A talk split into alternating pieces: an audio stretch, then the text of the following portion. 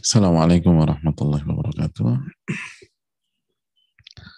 Bismillahirrahmanirrahim. Alhamdulillahirabbil alamin nasta'in ala umuri dunya waddin. Wassalamu ala asyrafil anbiya'i wal mursalin wa ala alihi wa sahbihi wa man ala nahjihi bi ila yaumidin wa ba'd. Hadirin Allah muliakan. Alhamdulillah kita bersyukur kepada Allah Subhanahu wa taala yang selalu memberikan kita kenikmatan demi kenikmatan dia nggak bisa kita hitung satu demi satu. Khususnya kenikmatan iman kenikmatan ilmu kenikmatan yang bisa membuat kita bertahan. Bukan hanya bertahan tapi menikmati menikmati serba-serbi dunia dan kehidupan menikmati pasang dan surut kehidupan.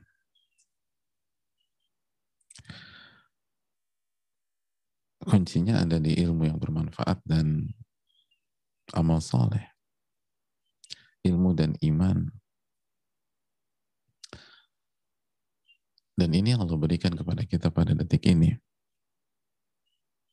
Allah kasih kesempatan kita kembali bertemu dengan Al-Imam An-Nawawi rahimahullah melalui karya beliau.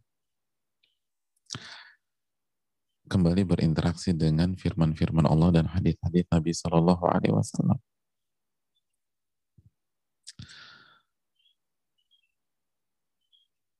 Ibadah yang sangat mulia. Sampai-sampai kota ada rahimahullah, salah satu ulama klasik, Beliau mengatakan sebagaimana yang dibawakan juga Imam Zahabi dalam Syiar babun minal ilmi yahfadhuhu ar-rajulu li salahi nafsihi wa salahi man ba'dahu afdalu min ibadati haul satu bab dari ilmu. Kita lagi belajar bab mujahadah misalnya. Atau kita udah belajar bab ikhlas. Satu bab dari ilmu yang dihafal dan dijaga dan dikuasai oleh seseorang untuk kebaikan dirinya dan kebaikan generasi berikutnya. Jadi kalau dia punya anak, uh, untuk kebaikan dia lalu diajarkan ke anaknya. Dia punya cucu, dikumpulin cucu-cucu lalu di diajarin, dididik. Afdol min ibadati haul itu lebih baik, lebih afdol kata para ulama dibanding ibadah selama satu tahun. Dan dimaksud ibadah di sini ibadah sunnah ya, ibadah sunnah selama satu tahun. Satu bab yang kita kuasai, kita amalkan untuk kebaikan diri kita dan anak kita, cucu kita. Atau generasi berikutnya, seorang guru punya murid, anak-anak, atau remaja-remaja, generasi berikutnya. Itu lebih baik daripada ibadah sunnah selama satu tahun. Hadirin keutamaan dan pahala kajian yang kita selenggarakan dengan segala keterbatasan kita dan segala pertolongan dari Allah Subhanahu wa taala itu pahalanya jauh lebih tinggi daripada yang kita pernah bayangkan sebelumnya. Ini luar biasa. Maka bersyukurlah kepada Allah Jalla wa'ala. Dan jangan sampai kufur nikmat. Jangan sampai kufur nikmat. Karena ancaman bagi orang kufur nikmat itu dicabut nanti sama Allah. La in syakartum la azidannakum Wala in kafartum inna adzabi lasyadid. Jika kalian bersyukur, aku akan tambah. Tapi jika kalian kufur nikmat, aku akan azab dengan azab yang pedih. Atau sesungguhnya azabku sangat pedih, kata Allah, inna adzabi lasyadid. Maka bersyukurlah terus, bersyukurlah terus, dan juga minta pertolongan sama Allah jamaah. Semoga Allah kasih kita ilmu yang bermanfaat bukan hanya ilmu yang dicatat, tapi ilmu yang bermanfaat. Makanya kata Al-Imam Qatadah, li salahi nafsihi. Untuk memperbaiki diri sendiri. Atau untuk, untuk membuat dirinya jadi baik. Li salahi nafsihi. Bukan hanya untuk uh, agar kita tahu. Enggak. Li salahi nafsihi. Agar diri ini jadi baik. Diri ini jadi baik. Sehingga ilmu itu bermanfaat. Jadi selalu minta kepada Allah ilmu yang bermanfaat. Allahumma inna nas'aluka ilman nafi'an wa na'udzubika min ilmin la yanfa'.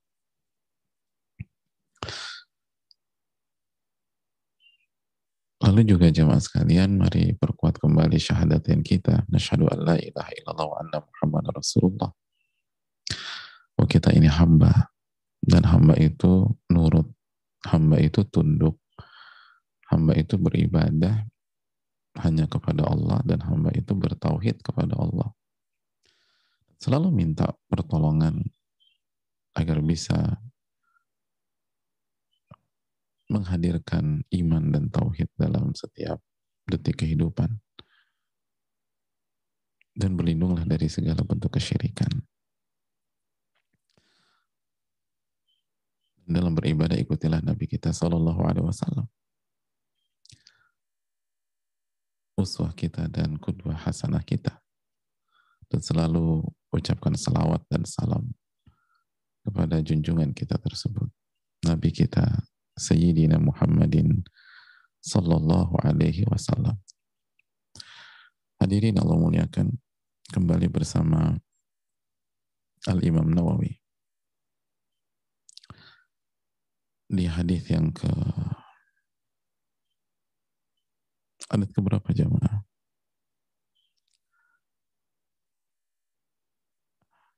Hadis Abu Mas'ud. Hadis ke-16. Hadis ke-16.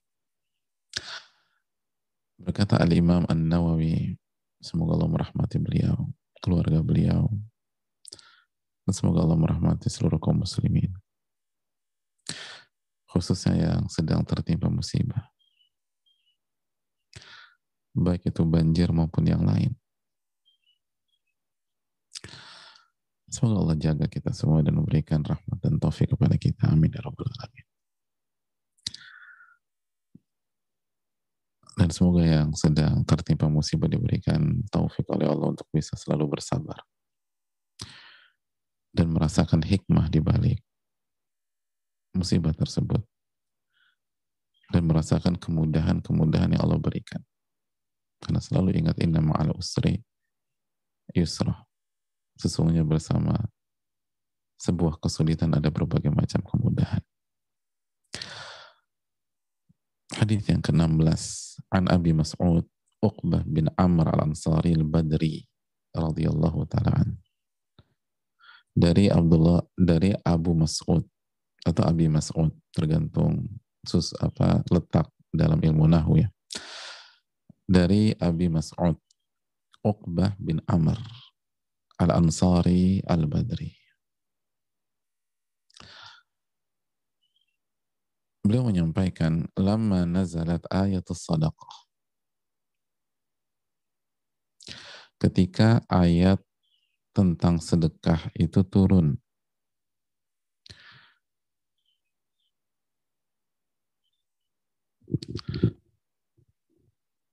ketika ayat tentang sedekah itu turun. Apa yang terjadi?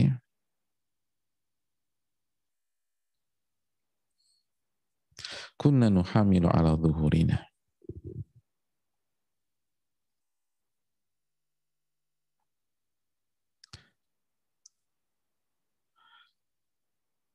Pada saat itu jemaah sekalian, ini tambahan dalam hadis Muslim, kita membawa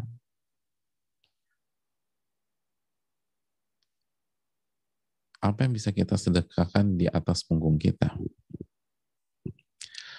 Faja'a rajulun fatasaddaqa bi katsir Maka pada saat itu Abu Mas'ud bercerita,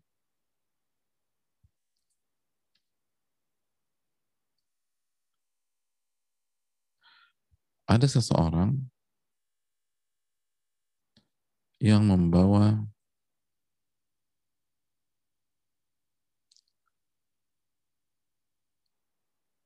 sedekah yang sangat banyak atau yang disedekahkan tuh banyak banget.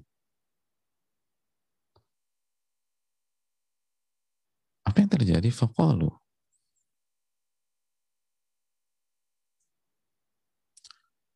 Lalu ada sebagian orang, itu orang-orang munafik. Orang-orang munafik. Mereka mengatakan, mura'in.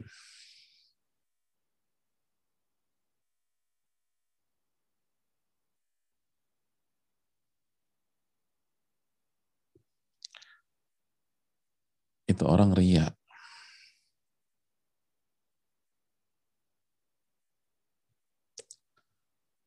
Jadi yang bawa sedekah banyak itu ria. Wajah rajulun akhar fatasaddaqa bisa'.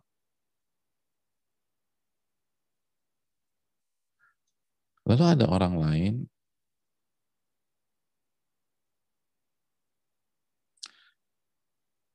hanya bersedekah dengan sok sedikit sedekahnya. Faqalu inna Allah la an sa'in. Lalu dikomentarin lagi sama orang-orang munafik, nyinyir nih jamaah. Sesungguhnya Allah tuh nggak butuh. Kalau cuma satu soal doang. Sedikit banget. Allah tuh nggak butuh.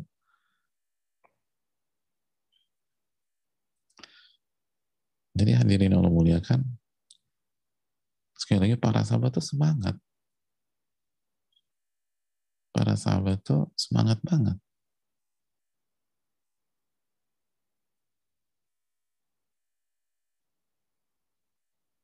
mereka mereka ingin bersedekah bahkan tadi mereka ada yang memanggul di pundak atau di punggung mereka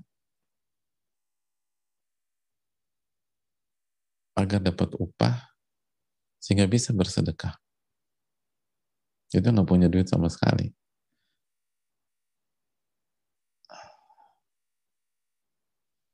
Mereka bawa tuh gitu.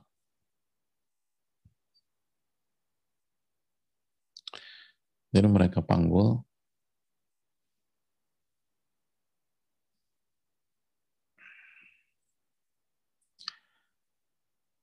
sehingga mereka bisa bersedekah. Jadi kayak apa? Ya pokoknya mereka kerja agar mereka bisa bersedekah.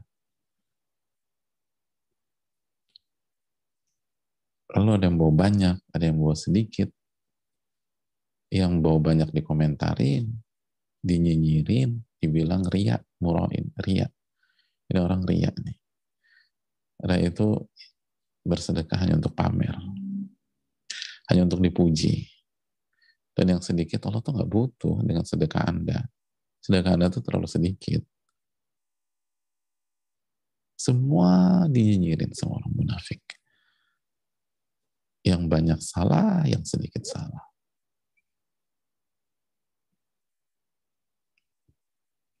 maka turunlah firman Allah Subhanahu wa taala dalam surat At-Taubah ayat 79.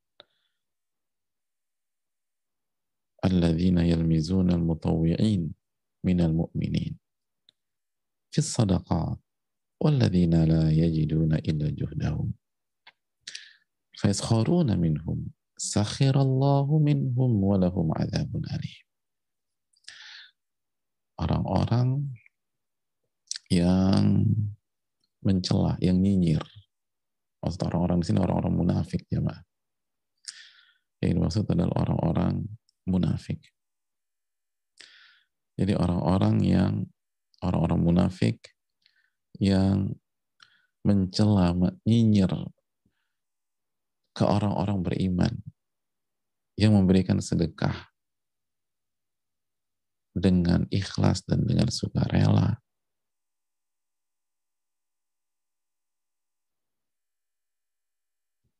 Dan mereka pun nyinyir terhadap orang-orang yang hanya bisa sedekah sekedarnya. Hanya bisa sedekah sedikit. Jadi semua dinyinyirin. Maka orang-orang munafik itu mencela mereka. Nyinyir sama mereka. Allah balas ucapan-ucapan mereka. Dan bagi mereka adab yang pedih.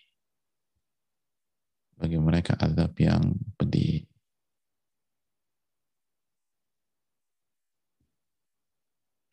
Surat Taubah 79.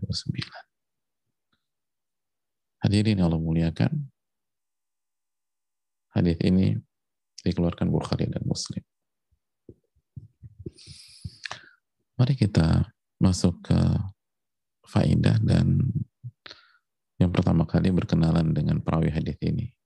Lagi-lagi nama baru jamaah. Uqbah bin Amr. Hadirin Allah muliakan. Perawi kita dalam kesempatan kali ini atau perawi hadis ini, hadis kita pada pagi hari ini adalah Abu Mas'ud Al-Badri Al-Ansari. Nama beliau, eh, tadi kunyah ya, nama beliau adalah Uqbah bin Amr bin Tha'labah Al-Ansari. Uqbah bin Amr bin Tha'labah Al-Ansari.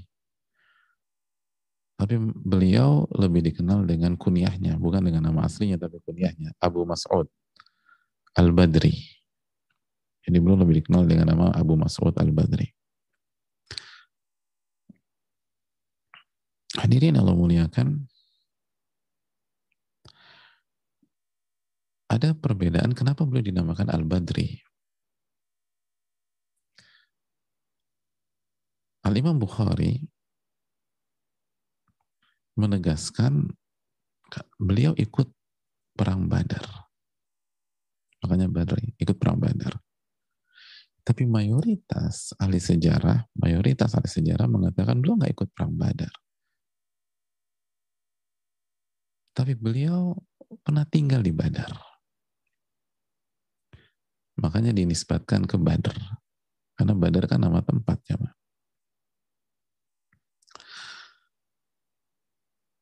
Tapi terlepas apakah beliau ikut apa tidak, beliau dikenal dengan nama Al-Badri. Dan beliau mengikuti berbagai peperangan bersama Nabi Shallallahu Alaihi Wasallam selain perbincangan tentang perang Badar tersebut. Jadi beliau ikut perang Uhud dan lain-lain. Dan beliau juga mengikuti Bayat Aqobah bersama 70 kaum Ansar. Dan pada saat itu belum masih muda ketika ikut Bayat Aqobah. Masih muda. Bahkan yang paling muda kata banyak para ulama.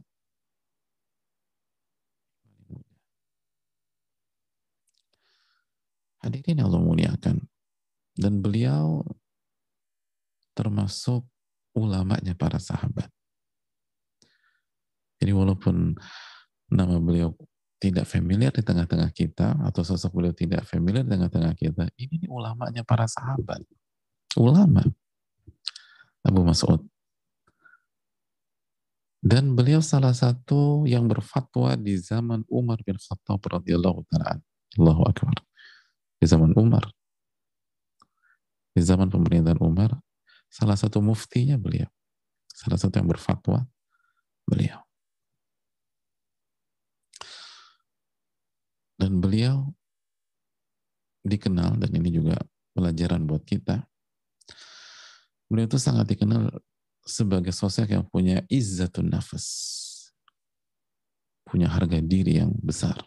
Izzahnya itu besar. Kemulia, menjaga kemuliaan dirinya itu besar. Jadi orang itu benar-benar menjaga kemuliaan diri. Orangnya itu nggak minder, nggak malu-malu. Punya kemuliaan diri. Nggak nggak nggak rendah diri. Ya bagus kan rendah hati ya. Kalau rendah diri minder. Beliau pernah mengatakan begini kuntu rojulan azizan azizan nafsi hamil anf la istaqil minni ahadun syai'a sultan wala ghairuhu. Aku itu orang yang punya atau aku ini orang yang menjaga kemuliaan diri. Dan bagi saya, sama saja antara penguasa dan bukan penguasa. Jadi bagi beliau itu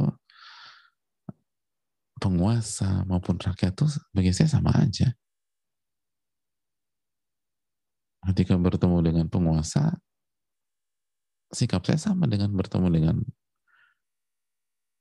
rakyat biasa, warga biasa, tetap menghormati, tapi nggak minder, nggak ini gimana, aduh aku ini, mau enggak biasa aja. Bagi beliau tuh orang kaya dan orang miskin sama aja. Ketemu orang kaya kayak ketemu orang miskin, menghormati, menghormati, memuliakan, tapi biasa aja.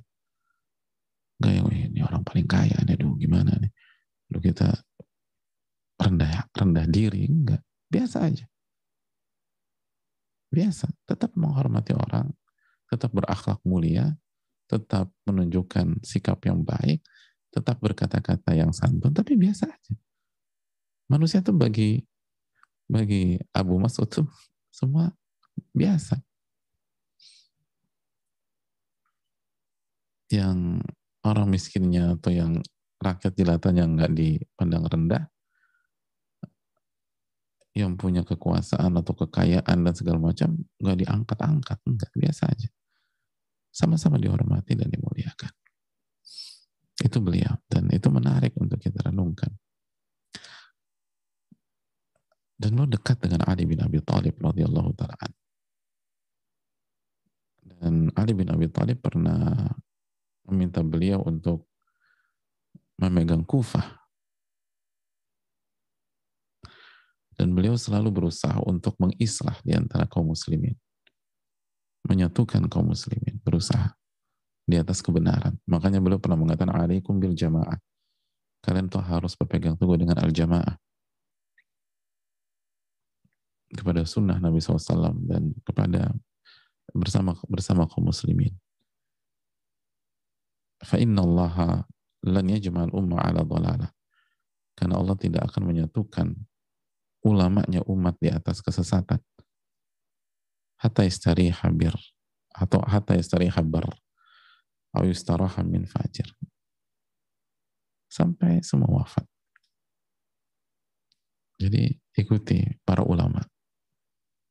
Ikuti para ulama. Punya ulama-ulama kibar ulama-ulama besar. Yang levelnya sudah level dunia dan seterusnya ikuti mereka. Mereka nggak akan disatukan di atas kesesatan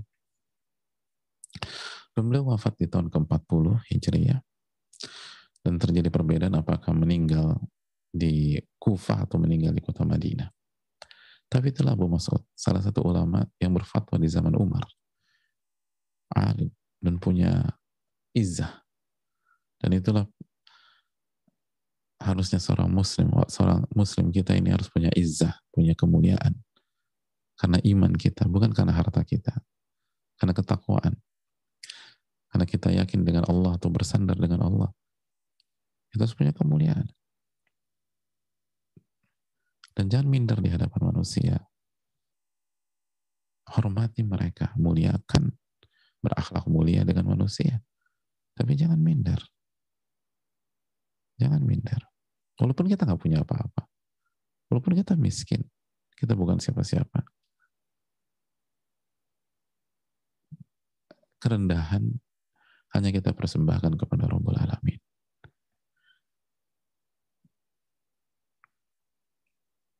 Jaga perasaan manusia, tapi tidak perlu rendah diri di hadapan manusia. Rendah hati di hadapan manusia penting, tapi bukan rendah diri. Mari kita masuk ke hadis tersebut atau hadis Abu Mas'ud. Hadirin Allah muliakan. Pelajaran yang pertama bahwa hadis ini berbicara tentang ketika ayat tentang sedekah itu diturunkan. Dan sedekah di sini sedekah sunnah kata para ulama. Dan sedekah yang dimaksud dalam hadis ini adalah sedekah uang. Ketika seseorang memberikan uangnya dengan sukarela kepada fakir miskin, mengharapkan wajah Allah Subhanahu wa taala. Itu dinamakan sedekah. Memberikan uangnya secara sukarela kepada fakir miskin, kepada fukara dalam mencari ridho Allah. Itu namanya sedekah. Kita karena sering dengar kata ini tapi agak bingung uh, apa ya artinya. Ya aku tahu sih sedekah tapi artinya apa kata kata para ulama minas su'ubah taudihul wadih salah satu hal yang sulit itu menjelaskan yang sudah sudah sudah sudah familiar dan sudah clear sering sering kali kita kesulitan karena sudah sangat familiar dan clear jadi uh, di antaranya sedekah tapi kalau kita ingin dalami sedekah itu apa sih memberikan harta secara sukarela uh, kepada fakir miskin mencari ridho Allah Subhanahu wa taala. Itu konteks di sini. Dan biasa kita walaupun sedekah juga bisa bermakna yang lebih luas lagi. Tapi bukan konteks kita hari ini. Nah, kenapa dinamakan sedekah? Kata para ulama dinamakan sedekah. Jadi memberi uang secara sukarela atau memberi harta secara sukarela kepada fakir miskin uh, mencari ridho Allah itu dinamakan sedekah karena memberikan harta untuk Allah atau mencari ridho Allah adalah bukti jujurnya iman kita dan benarnya iman kita. Dan jujur atau benar dalam bahasa Arab dinamakan apa? As-sidqa As-sidq sad qaf eh, sad dal qaf sidq dan akar, katanya sama sedekah sodakoh kan gitu. Sedekah kan spellingnya Indonesia ucapan Indonesia. Tapi kalau bahasa Arabnya sodakoh sod dal qaf tinggal tambah tak marbutah tambahan. Tapi akar kata sama sod dal qaf sod dal, qaf. Karena pada saat kita memberikan memberikan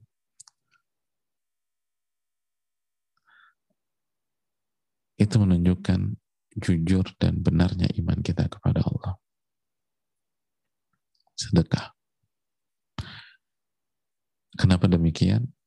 Karena harta itu adalah hal yang sangat dicintai oleh manusia harta adalah hal yang sangat dicintai manusia. Allah berfirman dalam surat Al-Fajr ayat 20, al mala hubban jamma." Dan kalian tuh sangat cinta terhadap harta dengan kecintaan yang luar biasa. Hubban jamma kata Allah. Bukan hanya hubban aja, jamma. Kalian tuh mencintai harta dengan kecintaan yang sangat luar biasa.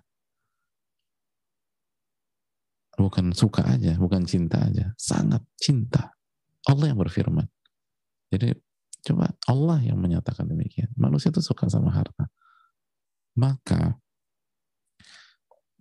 ini menarik keterangan Syekh Utsaimin rahimahullah.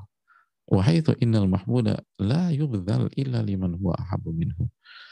Dan hal yang begitu dicintai oleh manusia seperti harta sangat dicintai huban jamma ingat al-fajr 20 tadi hal yang begitu sangat dicintai oleh manusia seperti harta tidak akan diberikan, tidak akan dikorbankan,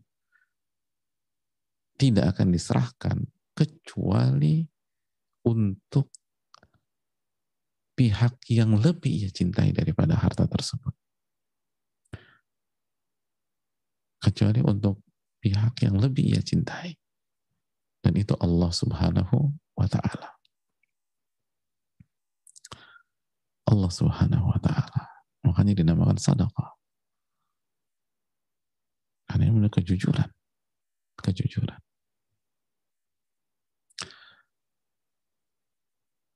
Allah Ta'ala bisa. Ya. Ini itulah sedekah. Kita memberikan kepada fakir miskin. Ada banyak yang bertanya bedanya dengan hadiah apa? Hadiah itu memberikan kepada seseorang tujuannya untuk membangun rasa cinta dan kasih. Tapi kalau sedekah itu mensupport fakir miskin. Kalau hadiah memberikan kepada seseorang bisa miskin atau bisa orang kaya, bisa ini. Tujuannya untuk membangun kasih sayang karena Allah Subhanahu wa taala. Makanya Nabi SAW tidak terima sedekah, tapi menerima hadiah. Karena hadiah itu konteksnya kasih sayang. Makanya kita jangan salah bicara. Salah bicara. Jangan bilang sedekah padahal maksud kita hadiah. Orang yang ngerti itu nggak nyaman. Karena sedekah itu untuk fakir miskin. Untuk ngebantu, untuk mensupport. Allah Ta'ala bisa. Hadirin Allah muliakan. Pelajaran yang berikutnya, bagaimana semangat para sahabat untuk merespon perintah Allah dan Rasulnya. Dan ini kebiasaan mereka, pola mereka, pattern mereka. Ketika turun ayat sedekah, mereka berlomba-lomba untuk sedekah. Bahkan sebagian mereka ada yang memanggul barang untuk mendapatkan upah. Lalu upahnya disedekahkan. Subhanallah. Dan mereka bawa sedekah-sedekah mereka itu. Mereka bawa gitu. Mereka bawa dan bisa sebagai mereka yang banyak mereka bawa ke Rasul. Yang sedikit semampu mereka.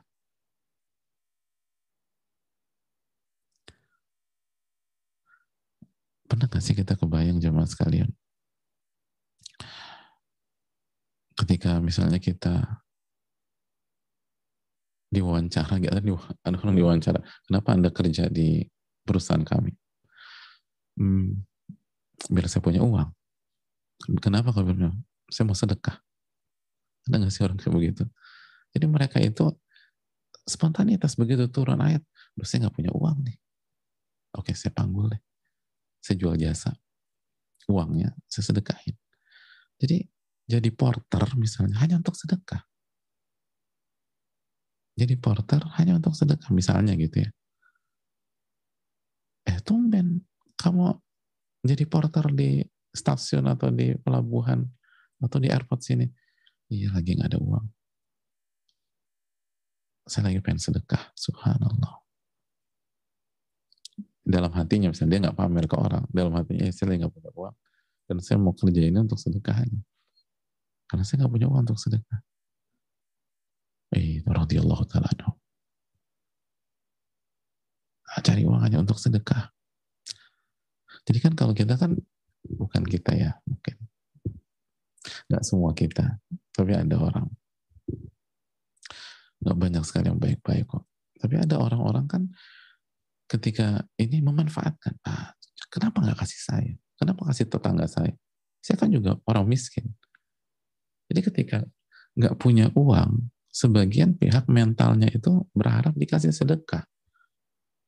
Sedangkan mentalnya para sahabat, ketika turun ayat sedekah, begitu tahu ada hadis tentang sedekah, mentalnya adalah saya harus sedekah.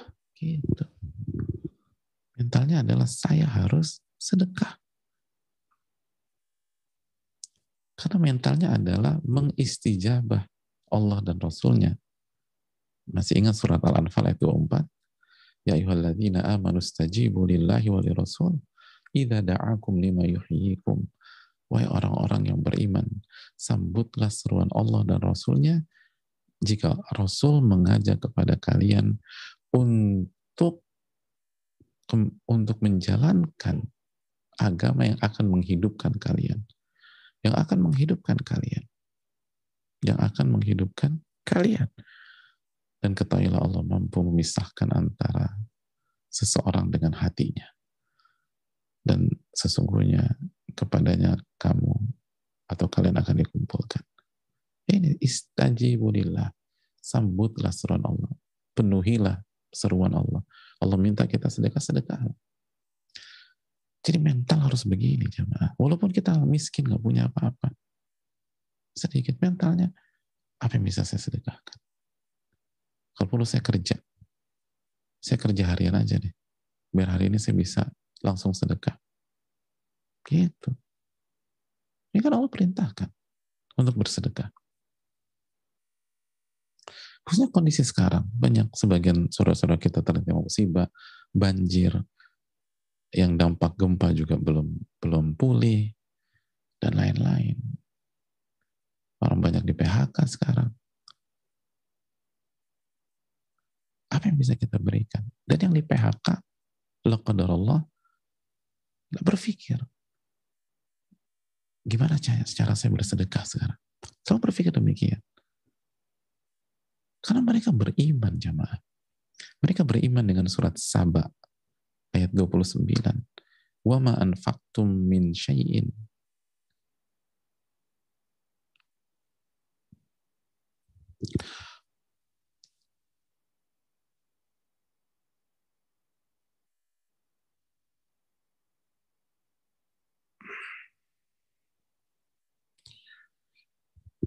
Surat Saba ayat 39 wa ma anfaqtum min syai'in fahuwa yukhlifu. Wa ma anfaqtum min syai'in fahuwa yukhlifu. Itu bukan 29 39 wa ma anfaqtum min syai'in fahuwa yukhlifu. Apa pun yang kalian infakkan apa pun yang kalian infakkan Allah Subhanahu wa taala akan menggantinya. Apa pun yang Allah apa pun yang kalian infakkan Allah pasti akan menggantinya. Allah pasti akan menggantinya. Hadirin Allah muliakan.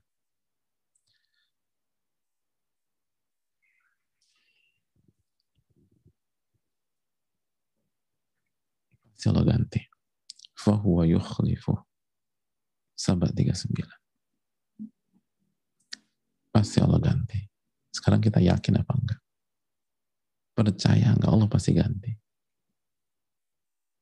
Maka para sahabat berbondong-bondong berusaha istijabah, istijabah, istijabah.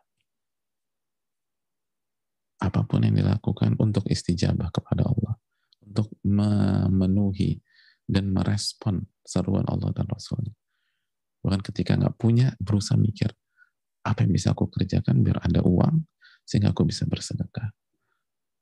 Jadi mereka kerja bukan untuk beli A, beli B, beli C, bukan. Begitu turun ayat sedekah, mereka tuh kerja. Gimana biar bisa saya jadi ahli sedekah? Ahli sedekah. Bukan berharap dibantu orang. Bukan berharap disupport orang. Bukan berharap dikasih sama orang. Tapi bagaimana ngasih orang Bagaimana ngasih orang karena mereka ingin diganti sama Allah. Ingin diganti sama Allah. Pelajaran yang berikutnya jemaah sekalian. Dalam menyambut perintah dan seruan Allah, kemampuan kita beda-beda. Maka fattakullah mastata'tum bertakwalah kepada Allah semampu kalian. Yang punya banyak kasih banyak, yang punya sedikit kasih semampunya. Lihat para sahabat Nabi SAW. Ada yang kasih banyak. Karena cuma soalnya hanya sekedar saja.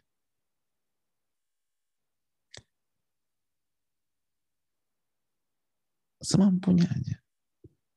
Hadirin yang Allah muliakan. Karena yang penting adalah diganti sama Allah.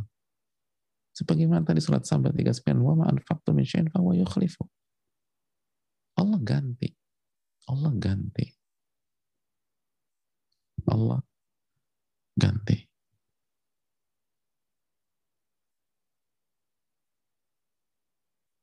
Allah pasti ganti. Maka jangan nunggu jadi orang kaya untuk berinfak dan bersedekah. Sayang. Mas kok nggak infak? Uh, anda kan punya lima ribu. Hmm, nggak enak nanti aja tunggu 2 juta. Loh, infak 5 ribu, nanti Allah ganti. Allah ganti di akhirat, dan juga sebelumnya Allah akan ganti di dunia. Allah akan ganti.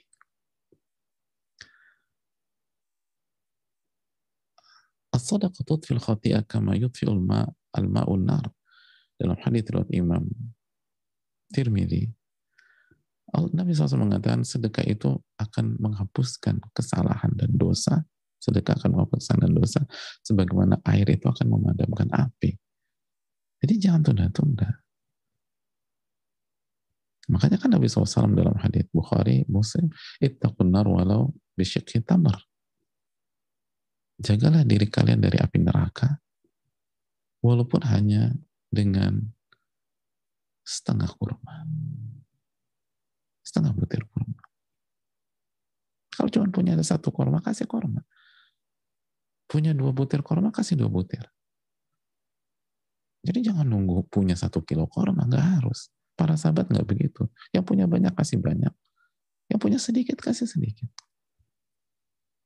Semua bertakwa kepada Allah semampu, semampu kita masing-masing.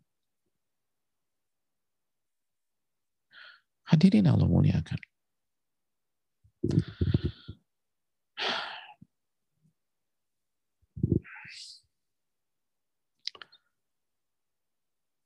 Pelajaran yang berikutnya.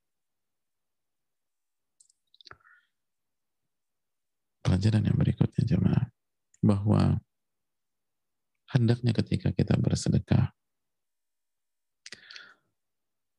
kita menjaga keikhlasan kepada Allah Subhanahu wa taala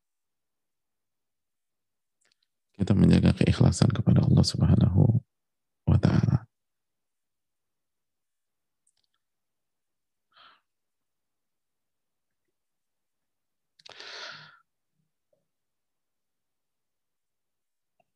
Sehingga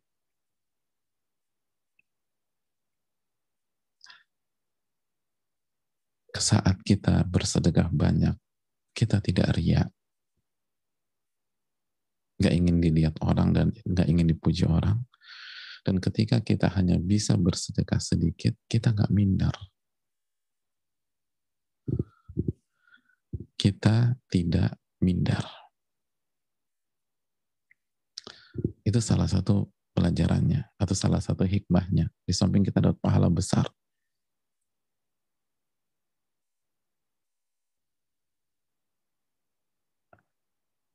Dan itulah firman Allah Subhanahu wa taala dalam surat Al-Baqarah 272. Allah berfirman, "Wa tunfiqu min khairin fali anfusikum." Wa ma tunfiqun illa ibtigha'a wajhillah. Wa ma tunfiqu min khairin yuwaffa ilaikum wa antum la tudlamun. Dan apa pun yang kalian infakkan dari kebaikan itu untuk diri kalian sendiri kok. Untuk diri kalian. Makanya jangan hitung-hitungan kalau sedekah. Oh, untuk diri kita kok. Untuk diri kita. Kita sedekah 20 persen kita cuma dapat 20 persen. 50 persen kita dapat di atas. Itu untuk diri kita. Wa ma tunfiquna illa wajahillah. Dan apa yang kalian infakkan Tidaklah kalian infakkan kecuali untuk mengharapkan wajah Allah. Harapkan wajah Allah. Jangan harapkan wajah makhluk.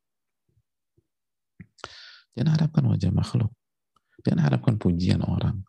Jangan harapkan sanjungan orang. Jangan harapkan komentar orang. Cari wajah Allah.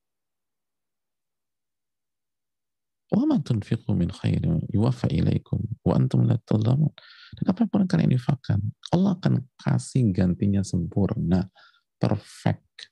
Yuwaffa, Allah kasih sempurna. Dan kalian tidak akan dizolimi. Pasti Allah ganti. Pasti.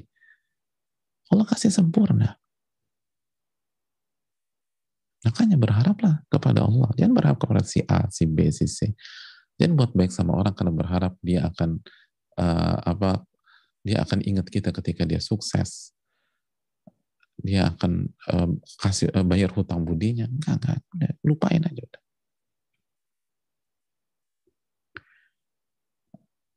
dan sebaliknya jamaah sekalian ketika Kita hanya punya sedikit. Ketika kita ikhlas mencari wajah Allah, kita senang. Dan kita nggak minder. Kenapa? Karena kita tahu kita berinteraksi dengan Al-Ghani, Al-Karim. Dan kita sudah menjalankan kewajiban kita. Fattakullah mastata'atum bertakwa semampu kalian. Kita hanya bisa mampu infak 2000, udah 2000.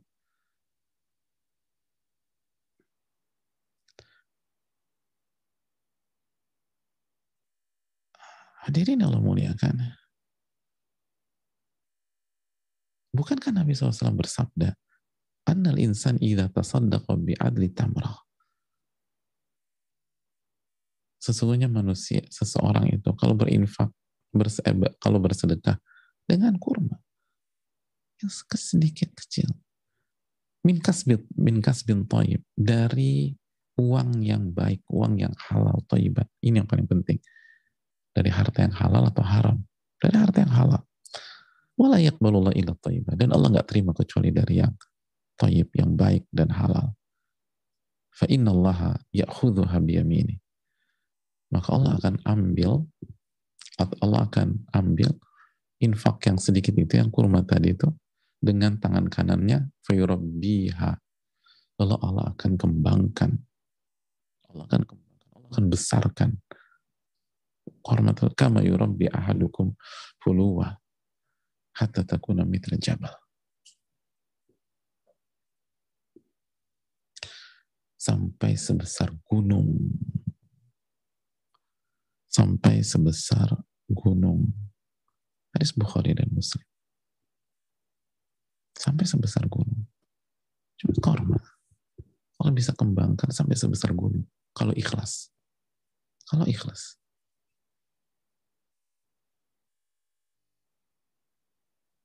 Jadi kalau gitu buat apa minder? Atau nggak jadi? Eh, kok dia kasih 200 juta, masa aku kasih 2000, tapi punya 2000, kasih 2000. Kalau kembangkan nanti sampai sebesar gunung. Subhanallah.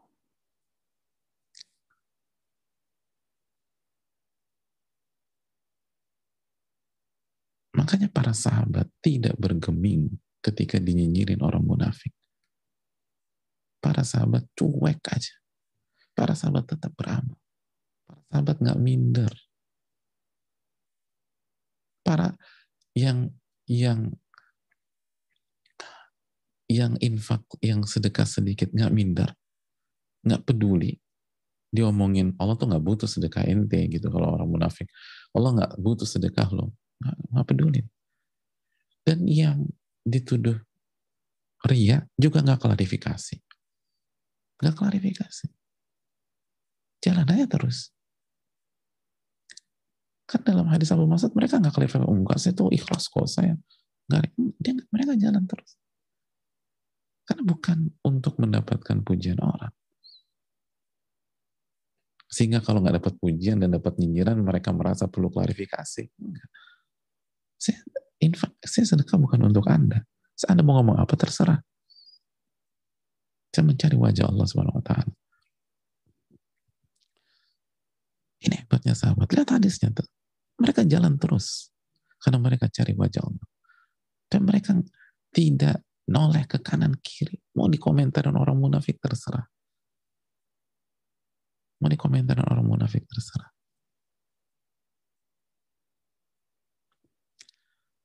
Pelajaran yang berikutnya jemaah sekalian. salah satu ciri orang munafik adalah suka nyinyir. Kalau ada orang beriman melakukan kebaikan. Itu ciri orang munafik. Suka nyinyir jika orang beriman melakukan amal soleh. Suka nyinyir jika orang-orang beriman melakukan kebaikan. Itu ciri orang munafik. Di antaranya dikomentarin niatnya lah. Niatnya dikomentarin murain lihat orang munafik bilang itu yang yang kasih uang banyak itu riak. Berarti kan di komentar apa? Niatnya hati-hati kalau kita komentari niat orang. Orang-orang munafik itu kerjanya nyinyir niat orang lain. Padahal kita nggak tahu. Hadirin kata para ulama kita. Manusia aja susah untuk memastikan niatnya. Gimana dia bisa tahu niat orang lain? Kecuali dalam kasus-kasus tertentu, kalau orang itu ngaku dan seterusnya itu lain hal. Tapi kalau secara zohir dia berbuat baik, terus gimana kita tahu niat orang? Oh ngetahui niat diri kita ya susah banget. Diri kita. Siapa yang bisa memastikan dirinya ikhlas? Susah kan? Lalu gimana Anda serang niat orang lain? Dia punya kepentingan. Kecuali kalau ada bukti yang jelas itu beda lagi. Tapi kalau nggak ada bukti, dan hati-hati nyinyirin niat orang atau nyinyirin perbuatan orang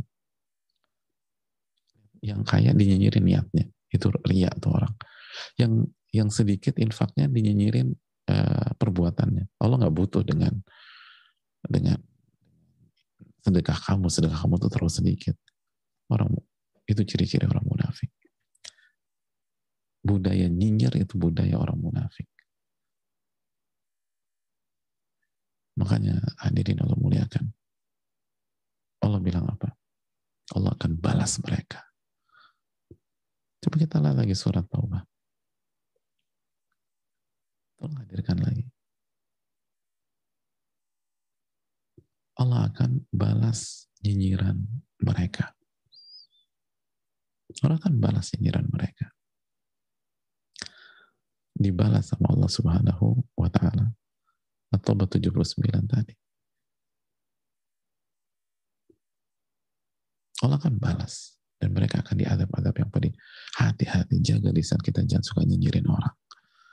Yang berusaha berbuat baik, yang berusaha melakukan amal soleh, yang berusaha bertakwa sama Allah. Karena Allah akan balas itu. Mereka menghina orang beriman, Allah akan hina mereka dan mereka akan kena azab yang pedih.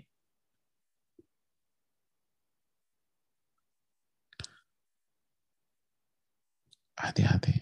Budaya nyinyir saat orang melakukan kebaikan adalah budaya orang-orang munafik. Dan yang terakhir jamaah sekalian, ridho nasgoyatun atudrok, kata Imam Syafi'i. Ridho manusia adalah cita-cita yang gak mungkin terwujud. Apa pun yang kita lakukan, kebaikan seperfect apa pun yang kita lakukan, pasti ada sebagian orang yang tidak setuju. Pasti ada sebagian orang yang nggak suka. Pasti ada sebagian orang yang nyinyir. Itu sudah sunnatullah. Jangan cari ridho manusia. Dan itulah nasihat dari Al-Imam Ash-Syafi'i. Sebagaimana disampaikan atau nasihat Imam Syafi'i ke salah satu murid besarnya Ar-Rabi bin Sulaiman. Kata Imam Syafi'i, ya Rabi, ridhon nas goyatun natudro. Wahai Rabi, kepada muridnya, Rabi bin Sulaiman. Ridho manusia adalah tujuan yang tidak mungkin bisa tercapai. Fa'alika bima yuslihuka. Maka kamu harus kerjakan hal yang bermanfaat buat kamu. Falzamhu dan pegang erat-erat. Komit. Fa'innahu la sabila ridahu. Karena tidak ada jalan untuk memuaskan seluruh manusia. Jadi kalau kita kalau kita melihat sebuah amalan ini bermanfaat buat kita, sebuah sikap ini bermanfaat buat dunia dan akhirat kita. Jika kita tahu bahwa langkah ini bermanfaat untuk dunia dan akhirat kita, halal, amal soleh, dan seterusnya, maka melangkahlah, pegang teguhlah, dan jangan pedulikan yang lain. La yaltafit, kata Nabi kan, jangan menoleh ke kanan, ke kiri. Karena nggak ada nggak ada jalan untuk mendapatkan ridho seluruh manusia. Dan Nabi SAW bersabda dalam hadis Tirmidzi, "Man iltamasa ridallah khatin nas, kafahullahu mu'natan nas."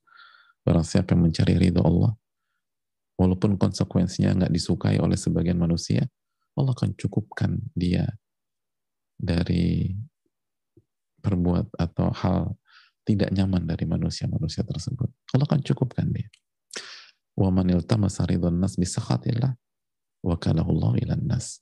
Barang siapa mencari ridho manusia, walaupun harus membuat Allah murka, maka Allah akan tinggalkan dia dengan manusia.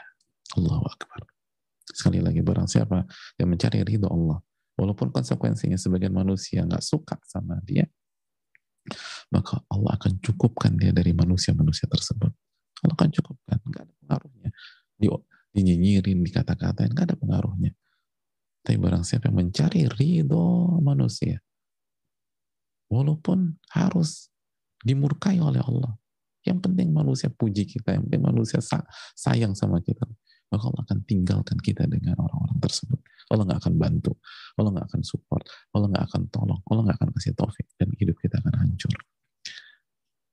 Ingatlah nasihat dari Imam Syafi'i, ridho manusia tidak akan tercapai. Semua kebaikan yang paling indah, yang paling bagus, yang paling tulus, pasti ada sebagian pihak yang tidak suka sama kita. Kalau para sahabat saja dinyinyirin, lalu kita berharap seluruh manusia memuji kita. Kalau Nabi SAW dinyinyirin sebagian pihak, lalu kita berharap kita dipuji oleh semua pihak. Gak mungkin. Dan kuncinya adalah keikhlasan. Jangan cari ridho manusia, cari ridho Allah. Manusia itu ada miliaran. Di dunia capek kita di, di Indonesia ada 200-an juta. Capek cari ridho 200-an juta. Tapi Allah Esa satu. Allah itu satu. Kul huwallahu ahad. Lebih mudah mencari ridho yang satu. Subhanallah. Ini yang bisa disampaikan. Semoga bermanfaat. Uh, Rasulullah SAW waktu sudah habis ya. Ada satu pertanyaan tentang uh, apa namanya uh, puasa sunnah mutlak. Hadirin yang Allah muliakan, sebagaimana kita katakan bahwa puasa sunnah mutlak, eh, puasa sunnah itu seperti salat sunnah. Salat sunnah itu ada salat sunnah muqayyad yang sudah ditentukan seperti duha, rawatib, qiyamulail, istikharah, wudhu, dan ada salat sunnah mutlak. Kapan saja kita bisa salat sunnah dan niatkan salat sunnah mutlak sholat sunnah yang bebas gitu kecuali di tiga waktu larangan dari uh, subuh sampai terbit matahari sebelum zuhur uh, atau uh, asar sampai maghrib. Nah begitu juga dengan puasa sunnah. Puasa sunnah itu ada puasa sunnah mutlak dan ada puasa sunnah muqayyad. Puasa sunnah muqayyad itu seperti enam hari di bulan Syawal, uh, terus uh, puasa Senin Kamis, puasa Nabi Daud dan lain-lain. Puasa Arafah, puasa Ashura, dan ada puasa atau tahu mutlak. Ada puasa sunnah mutlak. Artinya eh, selain dari puasa sunnah yang muqayyad. Bebas. Dan para ulama mengambil kepada eh, dari keumuman hadis Abu Sa'id, "Man shoma yauman fi sabilillah, ba'adallahu ta'ala wajahu 'anil nari sab'ina kharifah." Barang siapa yang puasa satu hari saja di jalan Allah, maka Allah akan jauhkan wajahnya dari neraka sepanjang 70 tahun perjalanan. Hadirin Allah muliakan. Jadi uh, bukan makanya bukan hanya di bulan Rajab saja atau bukan hanya di bulan-bulan haram saja, tapi di di di setiap bulan selain bulan Ramadan tentu saja. Dan di tanggal-tanggal yang ditentukan sebagai puasa sunnah muqayyad. Dan nggak ada niat khusus gitu niatnya puasa sunnah mutlak. Jadi bukan diniatkan untuk A diniatkan untuk B namanya juga puasa sunnah mutlak. Mutlak kayak mutlak bebas. Jadi uh, misalnya besok hari Selasa kita mau puasa ya puasa sunnah mutlak bukan karena ini ada hari jadi kita karena hari ini karena itu bukan tapi bebas itu yang uh, kami uh, pahami dari keterangan para ulama dengan segala keterbatasan. Semoga Allah memberikan taufik. Dan tidak ada puasa khusus di bulan Rajab. Um, tapi maksimalkan ibadah karena ini satu dari empat bulan haram yang di mana setiap amal ibadah dilipat gandakan dan dosa dilipat gandakan. Mungkin ini yang bisa disampaikan. Terima kasih banyak. Semoga kita diberikan taufik oleh Allah Subhanahu wa taala. Assalamualaikum warahmatullahi wabarakatuh.